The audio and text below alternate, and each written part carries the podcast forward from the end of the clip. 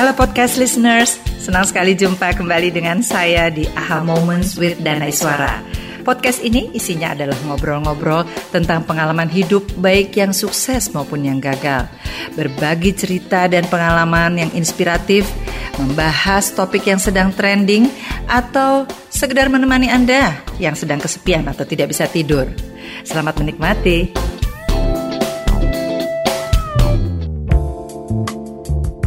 Podcast listeners, menginjak usia 50 tahun dan selanjutnya, kata lupa rasanya semakin kerap menyergap.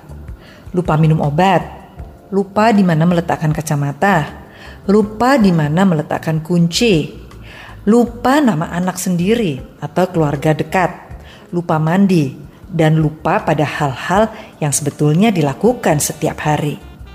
Awalnya kita menganggap kelupaan itu sebagai sesuatu yang wajar saja, Maklumlah, sudah tambah umur kan, jadi pikun deh. Itu semua dianggap wajar. Padahal lupa yang semakin sering adalah salah satu gejala awal dari demensia. Dan dampak dari demensia itu sangatlah berbahaya loh. Tentu kita tidak ingin diri kita atau orang-orang yang kita cintai menjadi ODD nantinya atau orang dengan demensia.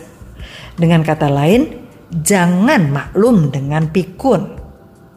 Nah, apa yang harus kita lakukan untuk mengurangi resiko agar nanti ketika menginjak usia lansia kita tidak menderita demensia atau orang-orang yang kita cintai yang saat ini sudah menjadi lansia tidak menjadi pikun.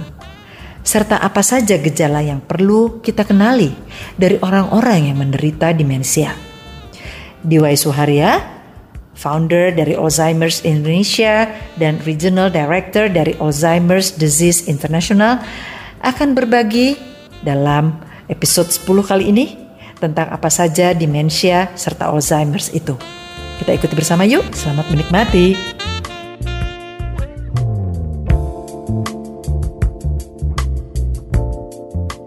Diwai, Diwai Suharya, apa kabar?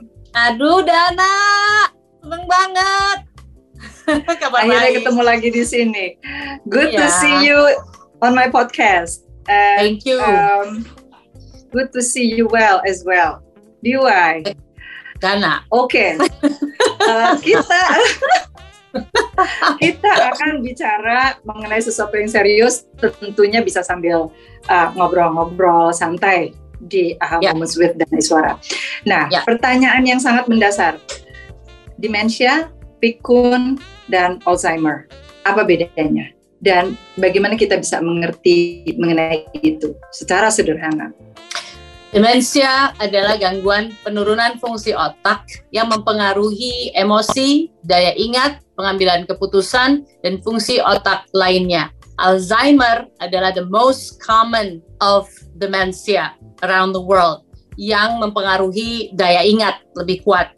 Pikun adalah terms yang membuat hmm. orang jadi lebih bisa relate kalau dipakai hmm. kalimat-kalimat seperti ada berbagai tipe demensia, yeah. ada demensia Alzheimer, demensia frontotemporal, um, yang yeah. kenal di Robert Williams gitu ya, ada halusinasi dan sebagainya. So in the nutshell, basically tagline jangan maklum dengan pikun tercipta di tahun 2013 because kita diskusi dengan teman-teman ahli advertising, ahli komunikasi, bagaimana membuat perubahan perilaku terjadi agar pikun itu tidak dimaklumi. Jadi kalau ada orang yang sering lupa uh, sampai berkali-kali mengganggu daily activity-nya, please go get diagnosis, get screening and all those things. That's why we call our campaign jangan maklum dengan pikun. So that's in a nutshell. Satu lagi kuncinya setelah jalan maklum dengan pikun adalah deteksi dini. Ya, oke. Okay? Ya. Uh, ini hanya menyerang orang-orang 65 tahun ke atas atau bagaimana uh, kita yang belum 60 tahun bisa mengenali gejalanya. Itu kan gejalanya ada gejala kognitif dan uh, psikologis ya. Betul. Nah, betul. Gejala-gejala itu apa saja yang kita bisa kenali dengan segera sehingga uh, bisa diantisipasi dan ya. kemudian ya. um, kita bisa mengambil tadi uh, deteksi dini. Ya, Very good question. Jadi um, because my mom was showing symptoms 20 tahun sebelum didiagnosa, di situlah pentingnya deteksi dini dan diagnosa tersebut. Kalau uh, you were there uh, in the past when I was in that moment gitu ya, banyak sekali tidak ada damai sejahtera di rumah karena 10 gejala Alzheimer, 10 gejala demensia Alzheimer adalah tadi itu penurunan fungsi otak yang mempengaruhi daya ingat, emosi, pengambilan keputusan dan fungsi otak lainnya. Jadi yang pertama gangguan daya ingat, yang kedua mhm. sulit fokus. No wonder my mom dulu nggak mau pakai ATM card, nggak mau pakai HP. Itu bagian dari uh, penurunan fungsi kognitifnya. Yang ketiga iya. sulit melakukan kegiatan familiar. Uh, keempat disorientasi. Kelima kesulitan dengan jarak, nggak kenal dirinya sendiri di cermin. Enam gangguan komunikasi, naruh barang pa tidak pada tempatnya. Yang ketujuh, yang kedelapan salah mengambil keputusan, um, bayar tukang sayur 500 ribu bukan 50 ribu gitu. Untung tukang sayurnya jujur, jadi dibalikin. Dan yang langganan. ya, langganan, bener tahu aja dan sembilan menarik diri dari pergaulan dan sepuluh perubahan perilaku dan kepribadian. Jadi ini semua tidak bisa dianggap remeh karena kalau nggak tahu itu artinya ada sesuatu yang terjadi di otak, ya berantem terus di rumah kan, um, baik ya, dari ya. apa uh, ya. dan itu sesuatu yang everybody is well educated di rumah gitu, tapi nggak ada yang tahu itu demensia Alzheimer dan of course di awal of course nggak ada yang mau bilang itu namanya penyakit ya, jadinya ya.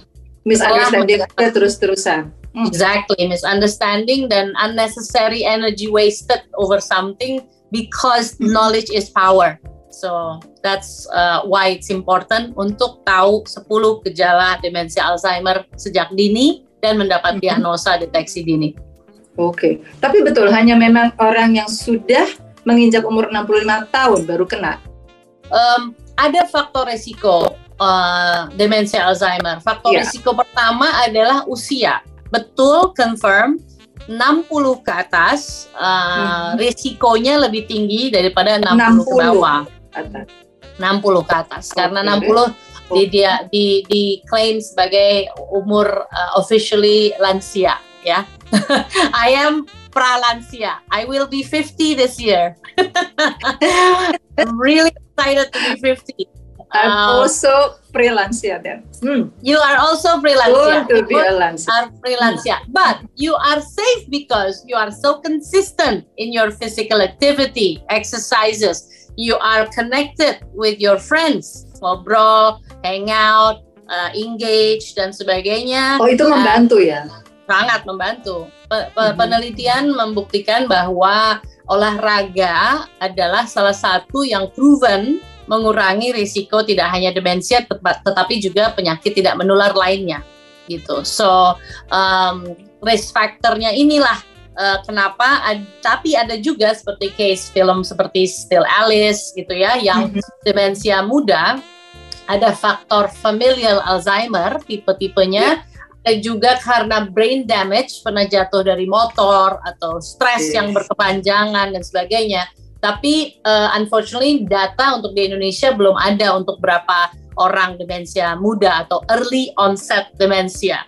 Tapi ada mm-hmm. beberapa di komunitas kita yang istri dari seorang suami yang umurnya 50-an tahun um, frustrasi di uh, apa namanya di layoff dari kerjaannya, tidak punya uh, hidup yang bermakna dan sebagainya gitu case-nya sehingga dia um, memiliki gejala uh, early onset demensia yang usianya 51 atau 52 tahun. Tapi ini kasusnya sangat jarang dan tentunya dengan usia yang semakin meningkat uh, aging population uh, kita perlu tahu lebih uh, dini hmm. tentang ini dan yang penting yeah. sekarang preventifnya ya mengurangi yeah. risiko. Ya. Iya, terutama ketika kita belum menginjak usia 60 tahun, ya. apa yang apa yang harus kita lakukan untuk bisa ya. uh, nantinya mencegah terjadinya demensia tadi? Ya, ya. Yang perlu dilakukan tadi based on literature adalah mm -hmm. uh, physical activity 150 yeah. menit seminggu, um, berarti 30 menit sehari, 5 hari. 150 menit seminggu. Keep yeah. keep keep yourself busy, active. Active. Physically Move. active. Move, physically uh, active. Physically what, okay. What what's good for your heart is good for your brain. Mm -hmm. Yang kedua, of course you consume okay vegetable dan fruit, uh, sayuran dan buah setiap hari. Sayuran dan buah. Okay. Minum air putih bukan juga. yang diawetkan, non bukan ya kan? yang dikaleng. Non preservatives. Oke. Okay. Exactly, exactly. Yeah. Yang ketiga tentunya engage your brain. Um, mm-hmm. Ada literatur juga bilang kalau belajar bahasa asing itu meningkatkan yeah. concentration, uh, memory Betul. dan concentration. So Um, that's why organizing things, um, aktif uh, dalam kegiatan komunitas dan sebagainya, that's actually a way to reduce risk. Juga mm-hmm. melakukan berbagai games, uh, sudoku atau uh, yeah. apa namanya, even cooking and playing music yeah. and all those things. Yeah. Yes, so these are the classic things, but sometimes it's easier to say than done, ya. Yeah? True. ya, tapi ternyata memang itu membantu kan dan dan uh, kemampuan fungsi kognitif kita juga terus terasah karena misalnya oh. Kelihatannya memasak ya itu simple, tapi kalau kita baca resep kemudian yeah. uh, mencoba baca yeah. lagi resep yang lain itu kan tergali yeah. terus gitu, terstimulasi, yeah. menyanyi, yeah. jadi menghafal yeah. bait terbaik, yeah. melukis. Yes. Hmm Yes. Jadi ya uh, apa um, kegiatan yang simple tapi ya yeah, exactly. Yeah. Kegiatan yang sebenarnya sebenarnya adalah menciptakan um, meaningful moments, meaningful engagements yang creating natural high gitu. Natural high yang membuat excited, uh, ada purpose uh, atau kegembiraan, uh, kegembiraan. Yes, happiness ya. Yeah exactly yeah karena juga uh, begini di saya juga sering ketemu beberapa teman yang uh, orang tuanya salah satu ditinggal meninggal oleh pasangannya ibunya yeah. ditinggal ayahnya ayah tinggal ibunya nah itu yeah. uh, mereka mengalami kesepian kesedihan yang panjang sulit beradaptasi dengan uh, kondisi baru bahwa pasangannya sudah tidak ada nah yeah. kesendirian dan kesepian itu ya. um, membuat mereka kemudian suka menarik diri. Hmm. Dan ada beberapa yang kemudian menjadi uh, tenggelam dalam uh, situasi pikun awal. Hmm. Oleh sebab itu tadi saya bilang bahwa kegembiraan itu penting.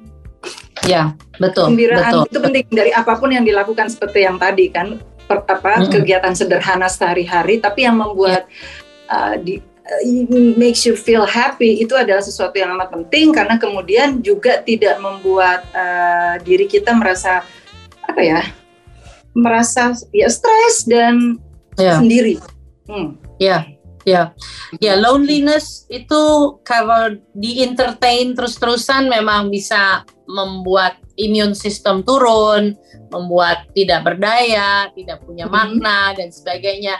Dan unfortunately misalnya kasus dengan uh, Margaret Thatcher itu dia kena demensia sejak suaminya wafat gitu. Jadi oh. jangan anggap enteng kepergian orang yang kita sayang uh, yes. dan bagaimana caranya support system terdekat itu melakukan yang terbaik agar the brain is engaged gitu. Um, dengan segala cara. When my mom passed away di hari Kartini 21 April 2017 my dad was literally after dari pemakaman bilang kita pindah aja dari rumah ini kita jual rumah pokoknya nggak mau ada di sini karena udah ter bertahun-tahun di rumah itu. Mm-hmm. And I know mm-hmm. I know itu tanah rumah legacy my mom. Jadi what I said no daddy please honor legacy kita pindah kontrak kontrak rumah dan kita bangun demolish everything and that's how we cope with grieving with losing someone gitu uh, so it's a brand new chapter orang lain-lain tentunya bagaimana coping with this tapi yang penting yeah. jangan jangan sampai membiarkan uh, terlena tadi ya seperti tidak yeah. berdaya dan sebagainya gitu nggak gampang memang tapi mm -hmm. harus dilakukan dan uh, support system itu yang penting gitu makanya That's important. Oke, okay, berarti uh, saya nanti akan melangkah ke caregivers dari orang-orang yang yeah.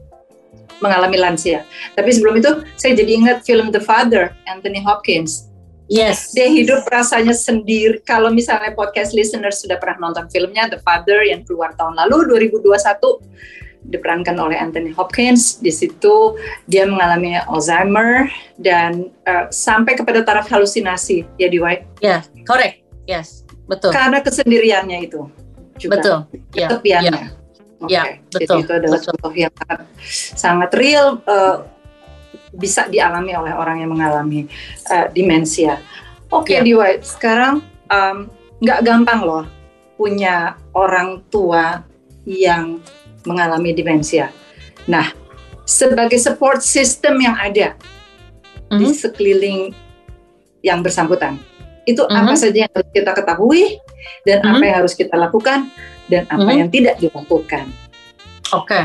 so kalau ada orang terdekat memiliki gejala uh, demensia Alzheimer tadi, lupa-lupa, mm-hmm. emosi naik turun, semua dituduh mencuri, very difficult dan sebagainya, support system yang terdekat tentunya dari keluarga. Di masa pandemi, beberapa keluarga reach out kepada Yayasan Alzheimer Indonesia, ALZI, karena kita memiliki satu program yang mem memberdayakan para care navigators, yaitu caregivers, yaitu, mhm. caregivers mm -hmm. yang punya mm -hmm. communication skills dan punya minimal lima tahun experience dalam menjadi caregivers sehingga membantu menavigasi apa yang perlu di-expect dengan didampingi seorang dokter ahli juga yang memberikan deteksi dini uh, via online, lalu nanti diarahkan untuk um, MRI dan sebagainya untuk proses selanjutnya. So the support system is actually ring satu. Keluarga harus punya knowledge. Knowledge dari keluarga bisa didapat lewat orang bisa Google, bisa ke www.alzi.or.id, bisa www.alzi.or.id. Oke. Okay. uh, um, our website yeah. atau follow our social yeah. media Alzi underscore Indonesia. Uh, Alzheimer Alzi stands for Alzheimer Indonesia. So support Alzheimer. system dari keluarga ya Alzheimer Indonesia. Itu uh, Ya, ya nomor satu. System. Ya. Gak bisa tuh semuanya diserahin sama suster. Gak Punya bisa. suster bisa bayar suster, udah, Gak bisa. udah tahu beres deh ya, ibu. Gak bisa. Ibuku, karena, bapakku diurus sama suster. Hmm. Uh, karena suster Misalnya. harus punya knowledge, punya skill. Iya, nah, betul. Skill itu harus didapat lewat training. Training itu bisa lewat online atau offline, private course atau tidak gitu ya yang ya. ikut dengan rame-rame dan sebagainya tentunya again di masa pandemi lewat online dan hmm. basic things adalah perilaku dari orang dengan demensia ada yang mungkin tidak bisa dipahami. Aduh, Dana, I, I'm so concerned. Banyak kasus lansia hilang, banyak kasus lansia yang diperdaya uh, asetnya, banyak kasus lansia melawan arus nyetir mobilnya atau dikeroyok Indeed. sampai wafat recently. Indeed. I, Indeed. I really yeah. really Indeed. want to to educate the police, the society um, untuk tahu ini ini bahaya untuk nggak tahu hal ini karena bisa misunderstand. Ada lansia yang misalnya bolak-balik naik motor dan sebagainya yang di Jepang 3000 lansia SIM-nya di revoke karena kecelakaannya hmm. tinggi sekali dari lansia-lansia yang disorientasi dan sebagainya. So it's basically uh, everybody's business, nggak cuma yeah. isu aging. So Keluarga I'm really thankful. Inti. Yeah, yeah, no, no. I'm really all. thankful yeah. that you're bringing this up. Keluarga inti support yeah. system utama, keluarga inti punya support uh, suster dan sebagainya. Suster dikasih backup uh, knowledge, education, training dan sebagainya. You can contact us. And, and then untuk journey of caringnya, itu ada berbagai um, program yang meaningful engagement melibatkan ahli-ahli seperti terapis okupasi, terapis fisio oh. dan sebagainya mm-hmm. sehingga the brain is continuously engaged and doing engaged. Ya, yeah. yeah, like Tony Bennett. Tony Bennett was arranged yeah. a concert.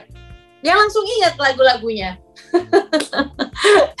langsung hafal karena it's from the heart. Langsung hafal. Yes, padahal yeah. even waktu dia dibawa ke ruang konser pun dia nggak tahu apa-apa dan semua nah. orang deg-degan seluruh nah. panitia deg-degan apa yang akan terjadi untuk konser dan tiketnya udah terbeli yeah. semua dengan harga exactly. beratus-ratus dolar itu tiba-tiba exactly. begitu dia duduk dia yeah. di depan piano mengalirlah semua lagu-lagu dia semua yang lancar exactly so it's something from the heart and emotion my mom when I sing a song, "You are my mm-hmm. sunshine, my only sunshine," mm-hmm. and then she started to clap, she started to sing along.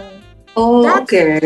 the meaningful engagement yang keluarga punya PR untuk mencari yeah. apa yang membuat um, the heart soar, apa yang membuat semangat, apa yang membuat mata lebih uh, apa namanya um, um, apa namanya yeah, shine, yeah, yeah. You know, glowing dan sebagainya gitu.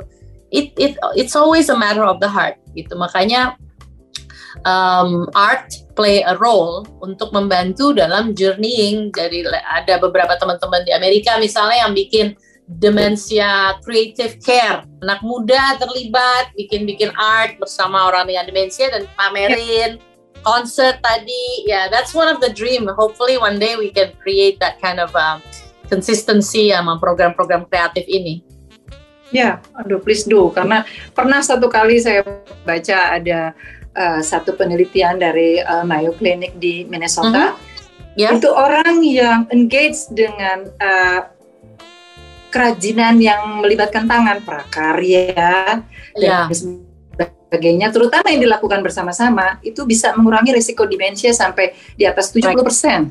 Correct. Yeah, Jadi definitely. art tadi ya dan yeah, yeah. Um, apa being engaged together bersama-sama selalu. Together, ya. together. Sayangnya di masa uh, pandemi ini uh, kita mungkin uh, belum bisa melakukannya, tapi paling tidak uh, lewat Zoom yes. bisa dilakukan. Yes, yes. One of one of the formula I love and I learned waktu kita sama-sama pernah di Australia, Dana ya. Mm-hmm. waktu di Australia itu I learned about ABC kampanyenya, yaitu Act, Belong, Commit. So we act on, on yeah act. We act on yep. something we believe in yang kita sangat percaya, and then we belong to a community, uh, either mm-hmm. friends or families or anything, a cause, and then we commit untuk melakukan atau hadir atau berkontribusi. Ini adalah uh, ABC ini adalah salah satu cara membuat hidup jadi lebih bermakna, demensia atau mm-hmm. tidak demensia if you mm-hmm. have an action if you have a, a cause you want to act on it and then belong merasa menjadi bagian dari komunitas and then commit menjadi bagian berkontribusi terhadap sesuatu yang membawa um, manfaat itu sesuatu yang membuat kita terus dan terus akan alive gitu yeah. untuk tetap mm -hmm. punya makna gitu so that's one of the thing about sebelum ada berbagai gangguan depresi stres dan sebagainya ya preventifnya yeah. adalah bagaimana mengcreate uh, hidup dengan hal-hal um, yang bermakna tadi yang melakukan aksi berbagi menjadi bagian dari komunitas dan berbagi kepada society gitu Hmm, ya itu penting sekali itu poin yang sangat penting. Jadi uh, selalu ada di dalam uh, kebersamaan itu penting sekali. Yes. Tidak membiarkan yes. diri sendiri. Oke okay, senang baca boleh baca buku, tapi tetap harus uh, punya komunitas di mana kita bisa berkomunikasi, mendengarkan orang juga. Yes, itu correct. satu kegiatan yang apa namanya uh, penting. Correct. Jadi itu bagian dari berbagi. Seperti tadi di DIY bilang itu poin yang amat sangat penting. Nah, ya. uh, kalau ada nggak sih dari pengalaman DIY di Alzheimer Indonesia itu hmm. dibilang bahwa uh, secara gender perempuan itu lebih mudah pikun. Jadi misalnya gini contohnya, ibu-ibu punya kebiasaan, udah keluar dari ya. rumah, pintu udah dikunci, kuncinya ya. lupa cabut dari dari pintu atau ya. sudah jalan sampai ke ujung gang baru ya. ingat kompornya belum dimatikan. Aduh, iya. Oke. Okay? Ya, ya. Nah, ya. ini adalah klasik ibu-ibu. Tapi ya. ini ini adalah uh, gejala awal dari pikun atau hanya seperti sekedar insecurity sih? Dan apakah benar ini hanya terjadi di perempuan? Kalau data menyebutkan memang uh, unfortunately data perempuan yang terkena demensia lebih tinggi daripada laki-laki. I don't know why oh. and it, there's still some study about that. Mungkin perempuan suka uh, you know oppress things atau di uh, mm-hmm. ditahan sendiri dan sebagainya. Tapi hubungannya dengan pertanyaan tadi kalau uh, lupa matiin kompor dan sebagainya bisa mm-hmm. saja itu namanya information overloaded. Jadi information overloaded adalah ya, ya, adalah betapa semua informasi itu banyak dan ada segala list yang mau dikerjakan tahu sendiri sebagai perempuan multitasker gitu. Jadi nggak take bite by bite gitu. Bite size. Oke okay, benar. Sehingga semuanya jadi numpuk dan nggak one step at a time dan sebagainya. Sehingga ya lupa matiin kompor dan sebagainya. I mean uh, saya sendiri pernah ngalamin lupa parkir di mana saking yeah. saking banyaknya meeting hari itu gitu ya misalnya diain dan sebagainya. lupa parkir lupa taruh kacamata di mana lupa taruh, lupa taruh kunci motor yeah. kunci yeah. mobil That's exactly exactly uh, yeah, jadi jadi, jadi kuncinya kuncinya ada kalau lupa-lupanya itu tidak sampai mengganggu daily activities yang terlalu sering, itu artinya masih di level yang information overloaded. Tapi kalau berulang-ulang 10 kali sehari yang nah. um, membahayakan dan sebagainya, ada ada rumah yang sampai kebakar dan sebagainya, yeah, gitu. Yeah. ya mm-hmm. banyak sekali kasus-kasus seperti itu. Itu um, berarti dari awal support sistemnya harus jeli untuk melihat nggak mungkin hmm. dibiarkan sendiri gitu, tinggal sendiri dan sepian dan sebagainya. So So the dream is to have uh, RT RW lingkungan ramah demensia ramah lansia yang sergap gitu jadi ada orang yang bisa bantu uh, okay. untuk uh, di rumahnya dan sebagainya bantuin shopping ya di masa pandeminya ada beberapa negara yang anak mudanya bantu online shopping uh, tanpa contactless tanpa harus uh, ketemu sama lansianya gitu uh, wow. tapi tentunya harus ada proses ya menuju ke situ mm -hmm. sebagainya so um, So information overloaded sering kali terjadi di perempuan, yes. Oke, okay. bikin jadi salah fokus tadi. Mau mau uh, baru kunci pintu udah ingat uh, harus harus buru-buru gitu kan jemput exactly. anak sekolah atau apa. Yeah. Lupa dicabut exactly. kuncinya gitu. Nah, tadi ya, exactly. ya information overloaded itu kan juga yeah. bagian dari kita tadi seperti Diwai bilang uh, yeah. begitu banyak harus dilakukan oleh yeah. perempuan. Nah, kita yeah. sekarang bicara mengenai uh, sandwich generation di mana okay. uh, podcast listeners uh, saya kurang lebih ada di kelompok usia tersebut. Sandwich yeah. generation itu secara sederhana bisa di apa diceritakan sebagai kelompok usia produktif yang mm-hmm. punya anak, punya keluarga, punya anak yang masih harus ditanggung pendidikannya, uh, dan kehidupannya sehari-hari. Jadi ya. masih harus menghidupi keluarga, tapi juga yeah. punya orang tua lansia yang harus dirawat, ya. uh, ditanggung, yeah. ditanggung. Betul. Itulah service generation. Dan di yes. Indonesia ini banyak sekali, banyak sekali uh, keluarga-keluarga mm. dari generasi seperti ini. Nah, mm-hmm. uh, information overloaded tadi itu barangkali kerap terjadi di keluarga seperti ini. Iya. Dan betul. perempuan. Karena betul. tadi beban yang begitu besar. Beban harus uh-huh. ingat ibu saya, ayah saya, kemudian mhm. anak-anak, uh-huh. kemudian belum uh-huh. masak untuk suami, ya. Atau uh-huh. kalau dia bekerja juga dia punya deadline.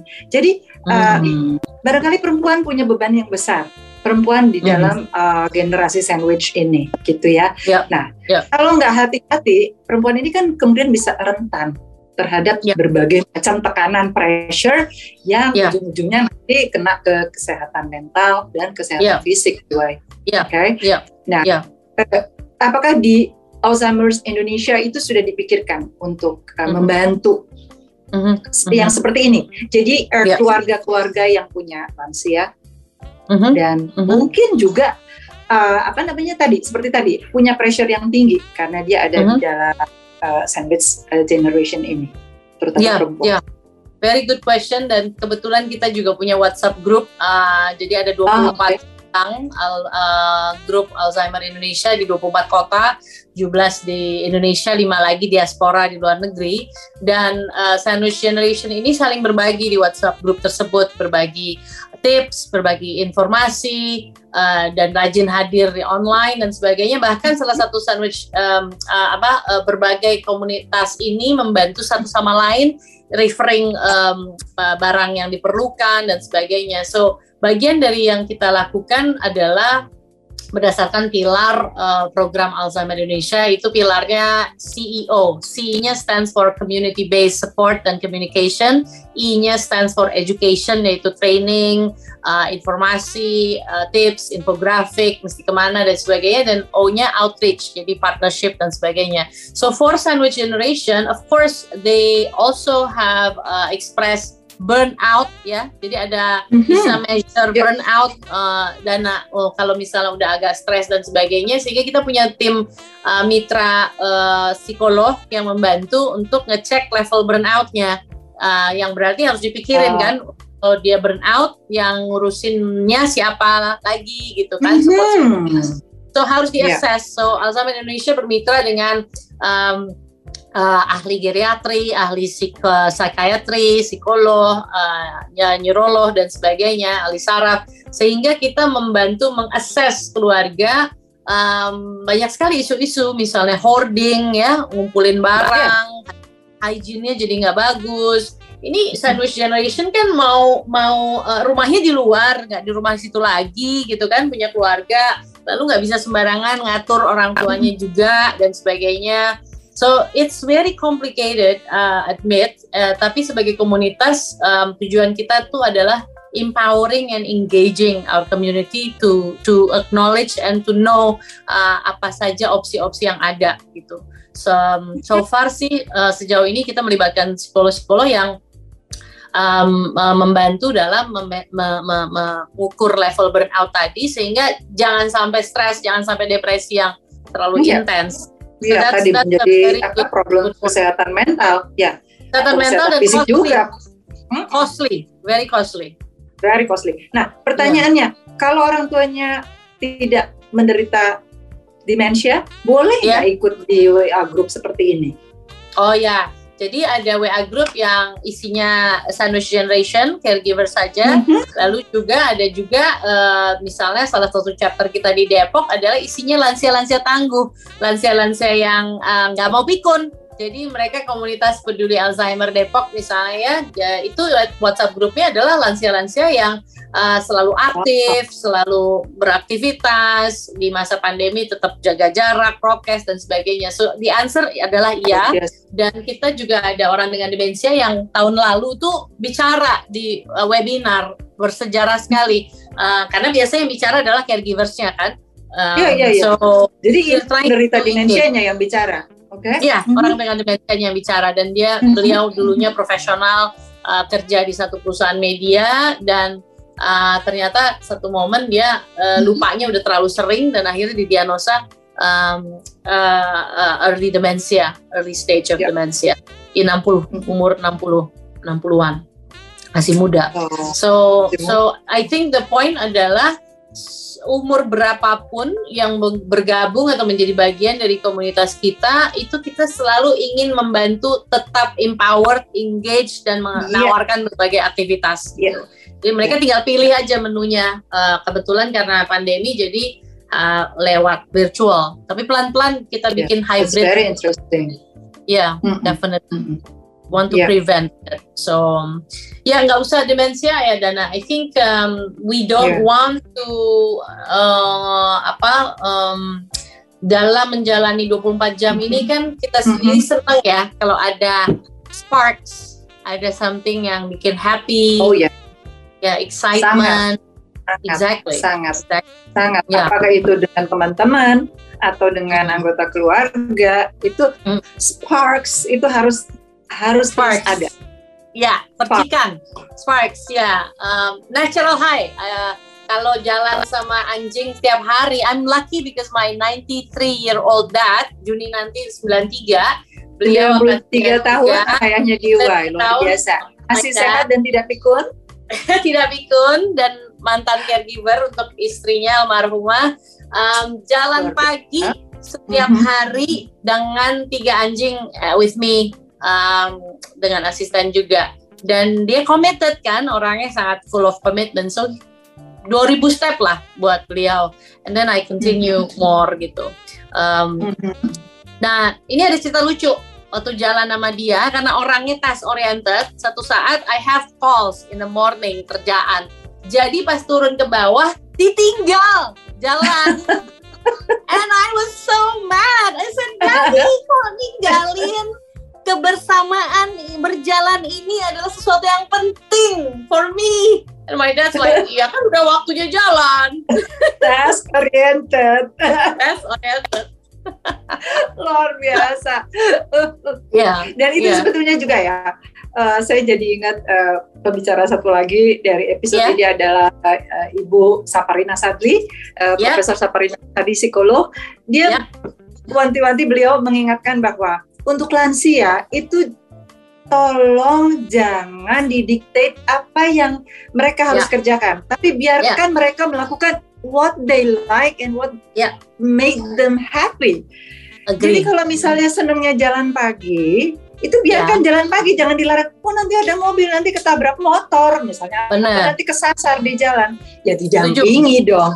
Exactly yeah. like what you do with your father, didampingi yeah. dong karena itu iya. menjadi momen kebersamaan yang membuat juga uh, ayah menjadi bahagia kan menjadi happy yeah, gitu happy ya ya simple yeah. tapi simple tapi sangat sangat berarti setuju dengan Busap juga sangat setuju karena pada dasarnya dignity ya kita ingin nggak yes. mau jangan didikte dong orang maunya begini dan sebagainya yang penting kita make it as safe and as enjoyable as possible that meaningful engagement yeah menjadi lansia yang mandiri, sehat, bahagia dan bermartabat dan bermartabat.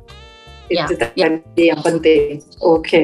berarti sekarang terakhir di harapan ya. DIY sebagai aktivis di bidang uh, demensia yang begitu aktif dan uh, akan terus saya harap akan terus uh, bergerak karena di saya sedih sekali sebentar jadi dipotong uh, pembicaraannya kalau menurut data di uh, menurut data ini kan setiap satu detik tujuh yeah. orang terdiagnosa demensia di seluruh dunia. Dan di Indonesia sendiri nanti kalau tahun 2030 diperkirakan mm -hmm. angkanya akan mencapai berapa? 2 juta? 2030 um, 2 juta, 2050 mm -hmm. 4 juta. Semoga bisa lebih lebih sedikit dari itu ya. dengan ya. apa yang dilakukan oleh DIY dengan Alzheimer Indonesia. Amin. Nah, harapan DIY sendiri apa? untuk masyarakat Harap, ya?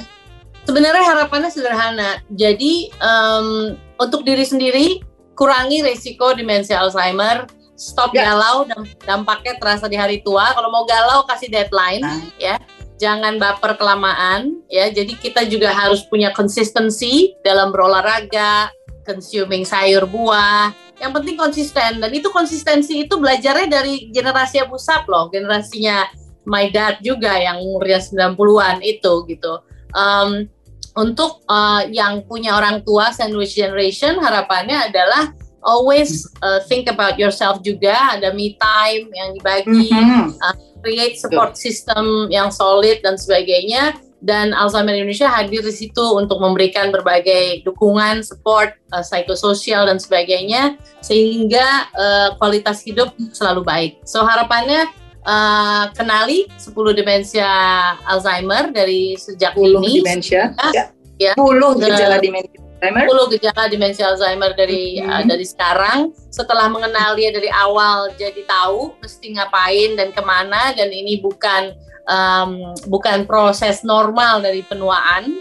Uh, yeah. dan terus dan terus melakukan berbagai kegiatan yang uh, mengurangi risiko. Salah satu penelitian dari tim research kami juga ada uh, menemukan kalau gerakan poco-poco traditional dance itu uh, dilakukan konsisten tiga kali uh, tiga kali seminggu tiga bulan ngurangin yeah. uh, apa nambah neuroplasticity 37 persen. Artinya neuroplasticity itu ke executive decision makingnya juga jadi meningkat gitu jadi tahu. Now I understand kenapa my mom dulu kalau ditanya mau makan ini atau itu? Jawabannya terserah. Karena beliau udah bingung udah turun kognitif um, functionnya. Function nah Ya, dan itu bisa dikurangi resikonya dengan olahraga tadi. Pokoknya olahraga yang yang konsisten, uh, create your sparks, happiness, meaningful engagement, dan kalau anak muda tentunya try to make a phone call deh seminggu sekali for your elderly, your parents. Oh iya. Oh, iya. parents. Once a week aja. Ajak poco-poco juga boleh kan atau line dancing yang sekarang boleh. lagi hits ya kan. Tadi seperti Diwa bilang seminggu tiga kali poco-poco that helps yeah. a lot. Gitu. Yeah. Nah, yeah. Uh, itu kan sebetulnya tidak juga tidak hanya membuat orang tua kita bahagia, tapi kita sendiri kan juga jadi yep. seneng kan yep. gitu ya. Yeah, uh, exactly. Olahraga berkeringat dan yes. uh, apa, yes membuat kita menjadi lebih dekat dengan orang tua. Yes, yes. Di era yang sangat sibuk seperti ini. Hmm. Yes, quality life is important. Quality life, ya. Yeah. Oke. Okay.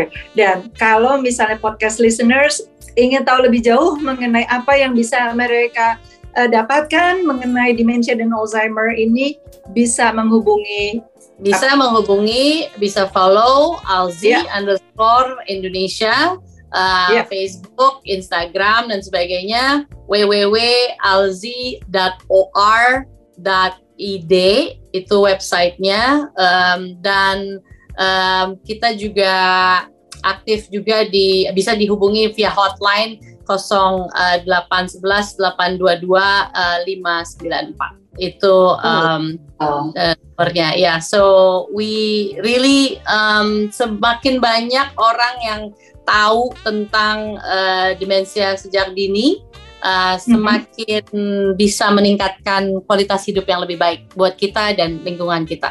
Jangan maklum dengan pikun. Dengan pikun. Jangan maklum dengan pikun. Pikun adalah kata kunci dan kemudian deteksi dini. Itu adalah kata ya. kunci kedua. Diwa Suharya, terima kasih banyak untuk waktunya dan ngobrol-ngobrolnya. Thank you so semoga, much Dana. Semoga menambah wawasan untuk semua podcast listeners dan tentunya untuk saya. Listeners, Diwai Suharya tadi sudah mengenalkan kita pada 10 gejala demensia. Kita kenali baik-baik ya, agar nanti ketika menginjak usia 60, 65 tahun ke atas, kita tetap menjadi lansia yang sehat dan tidak pikun. Nah sekarang saya ingin mengajak Anda untuk mendengarkan obrolan saya bersama Ibu Profesor Saparina Sadli. Beliau adalah seorang lansia berusia 95 tahun yang amat sangat sehat dan aktif. Ibu Sap panggilannya mengajarkan bagaimana seorang lansia bisa tetap sehat, aktif, mandiri, dan tangguh tanpa harus dikasihani atau banyak diberi perhatian yang mereka tidak perlukan. Ikuti yuk obrolan saya bersama Ibu Sap berikut ini.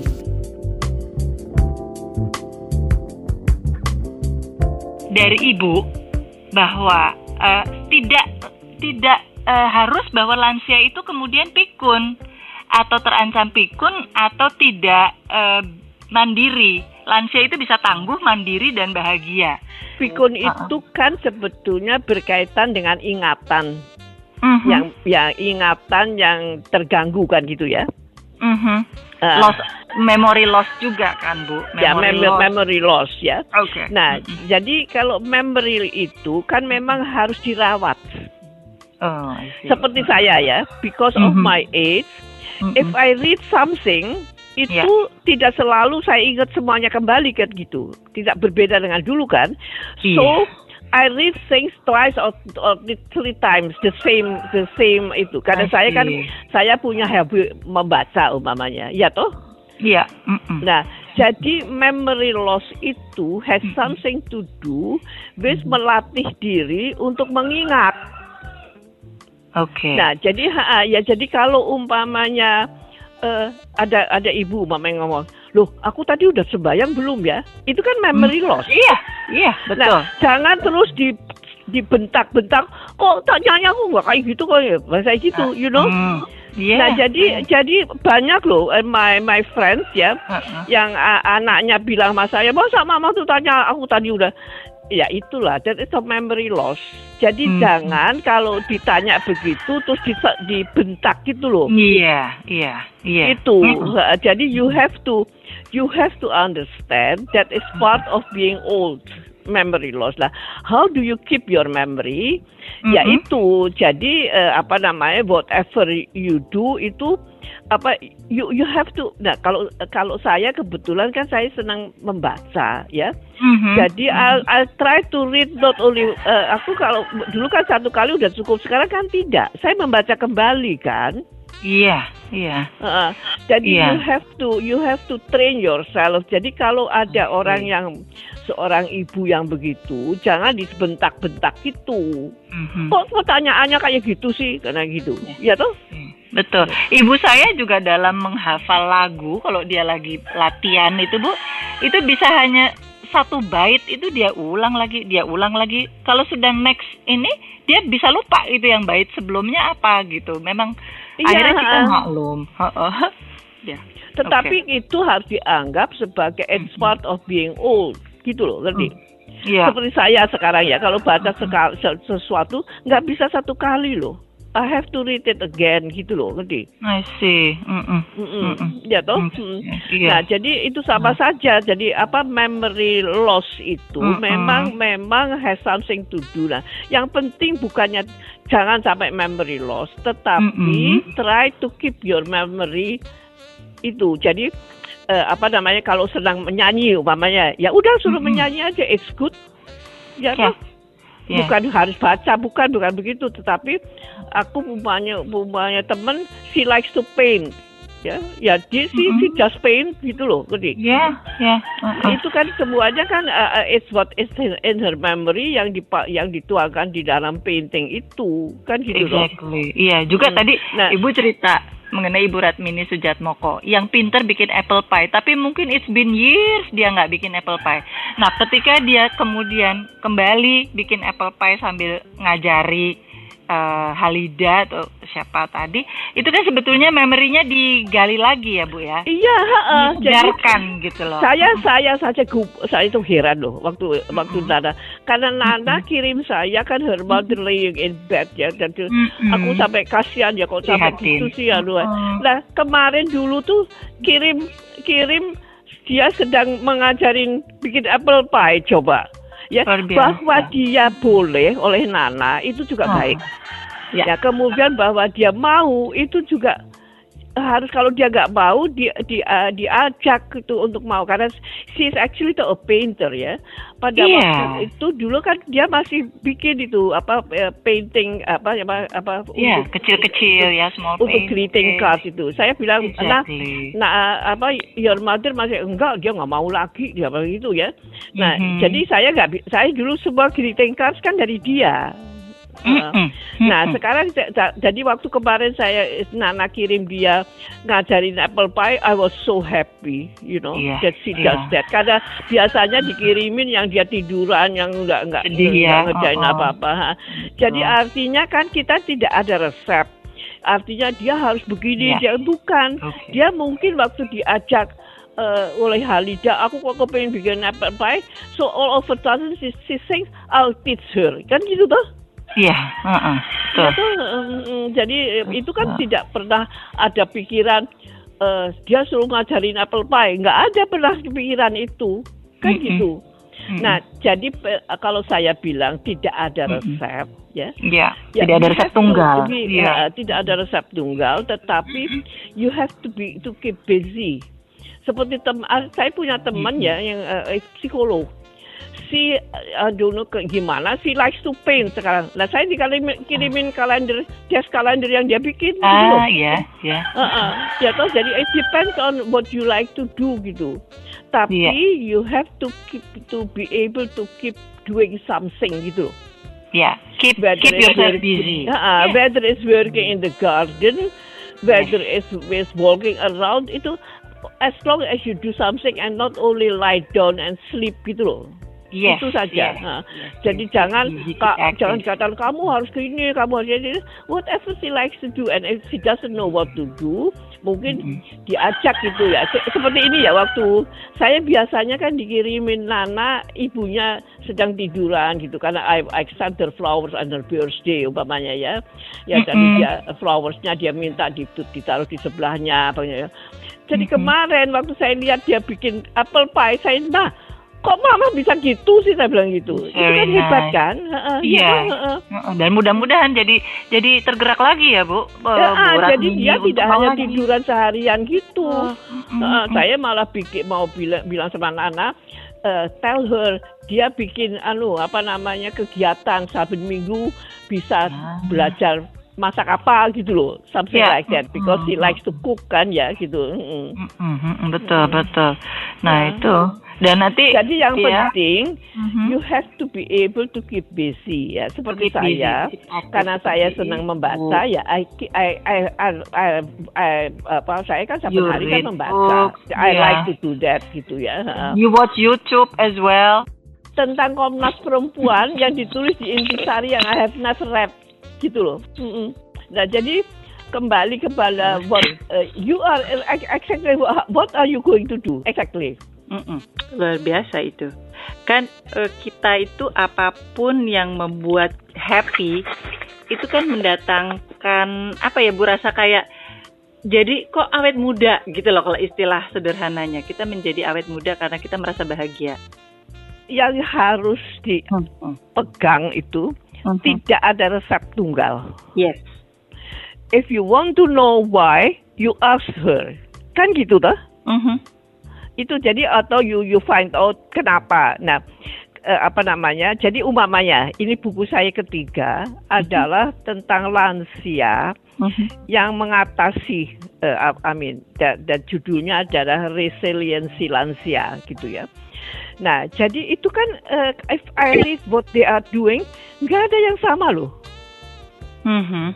Uh, uh, jadi we, you have to pay, you to apa pegang itu dulu. Ya. Yeah. Jangan dianggap bahwa apa yang disenangi si A itu disenangi si B. Ya. Yeah.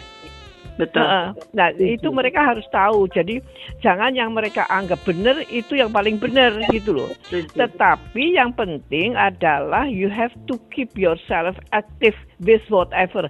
Apakah saben hari masak, apa saben hari baca, apa saben hari nyanyi, itu is is your your itu whatever you like gitu yeah. kan? Iya. Yeah. Iya. Yeah. Uh, jadi jangan ya kamu tuh harus belajar uh, masak. Jadi ada kegiatan nggak bisa. Hmm, aku bisa. aku I don't even know what what is going on in the kitchen kok. I don't care. Iya kan? Iya. Betul. I don't care. Uh, Dan tidak ada yang salah. Iya betul. Uh, jadi tidak bisa saya dibilangin kan you have nothing to do. Why don't you cook? I, kayak well earth saya pikir gitu ya. Uh, mm -hmm. Apa aku aku senengnya baca gitu loh, ketik. Mm -hmm. Mm -hmm. Mm -hmm. Mm-mm. Ya uh, lihat YouTube aku juga sangat terbatas loh. I don't I don't really enjoy it. Oh, aku enjoy ya di YouTube. I don't know whether you watch it or not. Mm-hmm. Ada mm-hmm. seorang perempuan yang mempunyai tiga monkey. Tiga eight, three apes. And how she how she interact with those apes itu aku seneng banget lihat dia caranya. Caranya caranya dia memandikan mereka caranya mereka tuh dibikin bersih gitu ya artinya ya pakai pakai pakai celana pakai yeah. ini. Lucu loh. I, I like to see I like to watch that. Just find out what you want to say ya. Yeah tetapi yang penting arti itu ya yang saya mau bilang sama kalian, jangan ngajarin. Yes. Tetapi mengajak. Ya.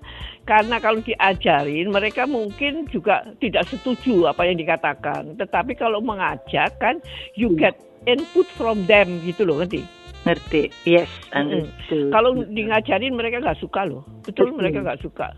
Karena they have different ideas, they have different needs gitu loh. Hmm. Terus. Jadi kan? seperti saya ini yang tentang lansia dan COVID, hmm. aku menanya, aku minta mereka menulis whatever they think itu. Yes. Jadi itu. itulah itulah apa yang menjadi aspirasi mereka, Bu. Dan itu kita ya, yang muda. dan dan dan you also understand uh -huh. kenapa di psikologi dinamakan setiap orang berbeda. Setiap orang adalah khas. Oke. Uh, ya. Hmm. Oke. Okay. Ya. Oke, Ibu. Oke, ya. Ya, ya, just call me because I'm home kok. Listeners, Diwai Suharya dan Profesor Saparina Sadli sudah mengenakan kita pada Alzheimer's, demensia, dan pikun. Mudah-mudahan apa yang kita dengarkan tadi bisa menjadi bekal agar ketika menginjak usia lansia nanti kita siap dan kita tetap sehat, mandiri, tangguh, dan aktif di usia lansia. Jangan maklum dengan pikun. Itu tadi kata kuncinya. Dan deteksi dini bagi yang melihat atau merasakan gejala-gejala awal dari demensia. Terima kasih untuk kebersamaan Anda dan untuk sekarang stay well, stay healthy. Bye bye.